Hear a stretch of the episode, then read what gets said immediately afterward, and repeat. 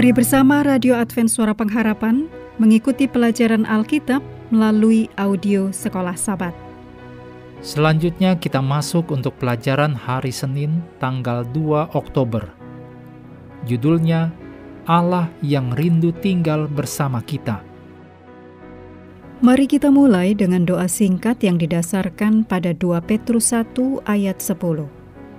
Karena itu saudara-saudaraku, berusahalah sungguh-sungguh supaya panggilan dan pilihanmu makin teguh. Amin.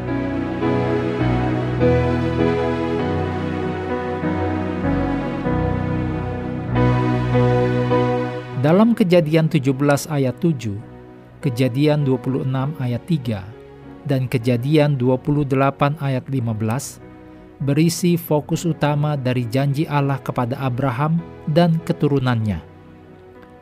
Dalam kisah Perjanjian Lama, Allah secara terus-menerus bertindak menurut sifat misionarisnya untuk memenuhi maksud-maksudnya.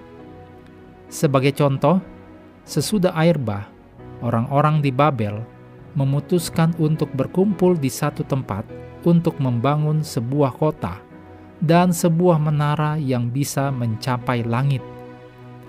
Kemudian Allah melakukan intervensi mengacaukan bahasa mereka dengan tujuan untuk membuat mereka menyebar ke seluruh bumi.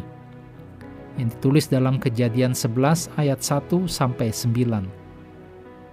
Allah kemudian memperbesar misinya, yaitu memanggil Abram yang kemudian disebut Abraham untuk menjadi saluran dari berkat-berkat Allah kepada seluruh dunia. Yang ditulis dalam Kejadian 12 ayat 1 sampai 3 janji-janji Allah kepada Abraham dan kepada keturunan-keturunannya itu berlipat ganda. Tetapi ada satu janji yang melebihi semuanya. Pada dasarnya, beberapa kali Allah menyatakan kepada mereka, Aku menjadi Allahmu. Aku akan menyertai engkau, dan aku menyertai engkau. Ditulis dalam kejadian 17 ayat 7 dan 8, Kejadian 26 ayat 3 dan Kejadian 28 ayat 15. Sebagaimana sejarah berlanjut, Yusuf akhirnya berada di Mesir. Di sana Yusuf menjadi alat keselamatan bagi umat Allah. Di dalam setiap pengalaman, Yusuf bahkan di saat-saat yang paling sulit dalam hidupnya kitab suci menegaskan bahwa Tuhan menyertai dia. Ditulis dalam kejadian 39 ayat 2, 21, dan 23.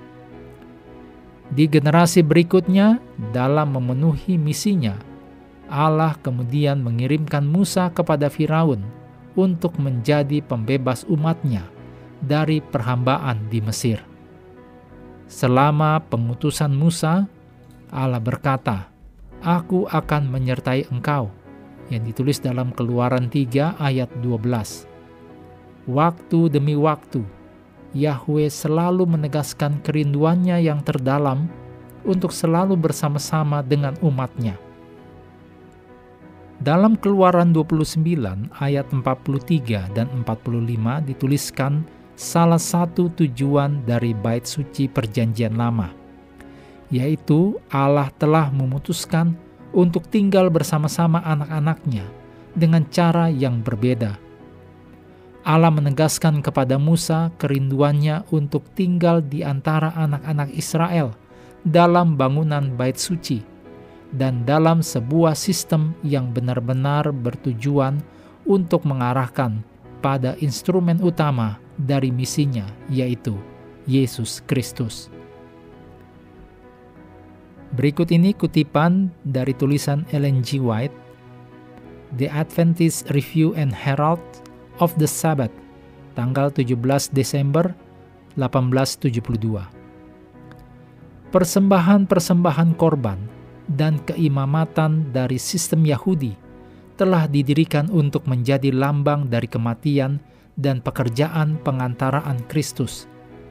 Semua perayaan-perayaan ini tidak memiliki arti dan tidak bernilai jika semua itu tidak dihubungkan dengan Kristus.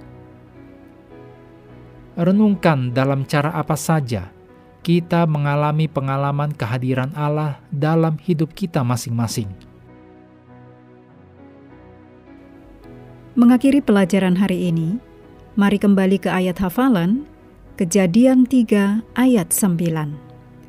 Tetapi Tuhan Allah memanggil manusia itu dan berfirman kepadanya, "Di manakah engkau?"